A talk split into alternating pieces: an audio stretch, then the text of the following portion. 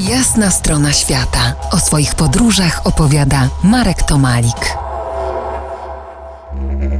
Tak sobie tutaj siedzę i myślę, że poruszony dziś temat samozwańczego księstwa dotyka kulturowego aspektu ekscentryków, który w Australii jest głęboko zakorzeniony i ma zdecydowanie pozytywne zabarwienie.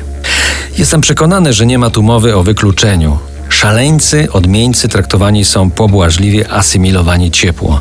Wszak z tej wysublimowanej inności można czerpać. Przecież każda wzbogaca.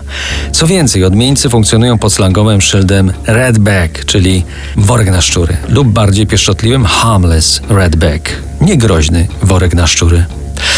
Określenia sięgają epoki szczurołapów. Ich profesja była na tyle odstręczająca, nieakceptowana, że każdego utożsamiano z ekscentrykiem. Trzeba też pamiętać, że australijski slang bywa niezwykle dosadny.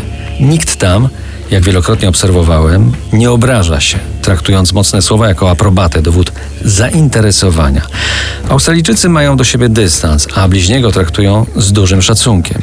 W szerszej perspektywie przypadek rolnika monarchy opowiada o tak zwanym duchu Australii, o niezłomności, o niezachwianym poczuciu honoru, o otwartości, o wolności nade wszystko i nade wszystkim. A to z kolei pierwotny tlen pochodzący od rdzennych mieszkańców piątego kontynentu, nieświadomie przejęty przez białych. Wydaje mi się, że to bardzo australijskie story. Po więcej odsyłam do moich książek Australia, gdzie kwiaty rodzą się z ognia, Lady Australia i Australia Moja Miłość. Do usłyszenia za tydzień i powrócimy chyba ponownie do Australii. To była jasna strona świata w RMF Classic.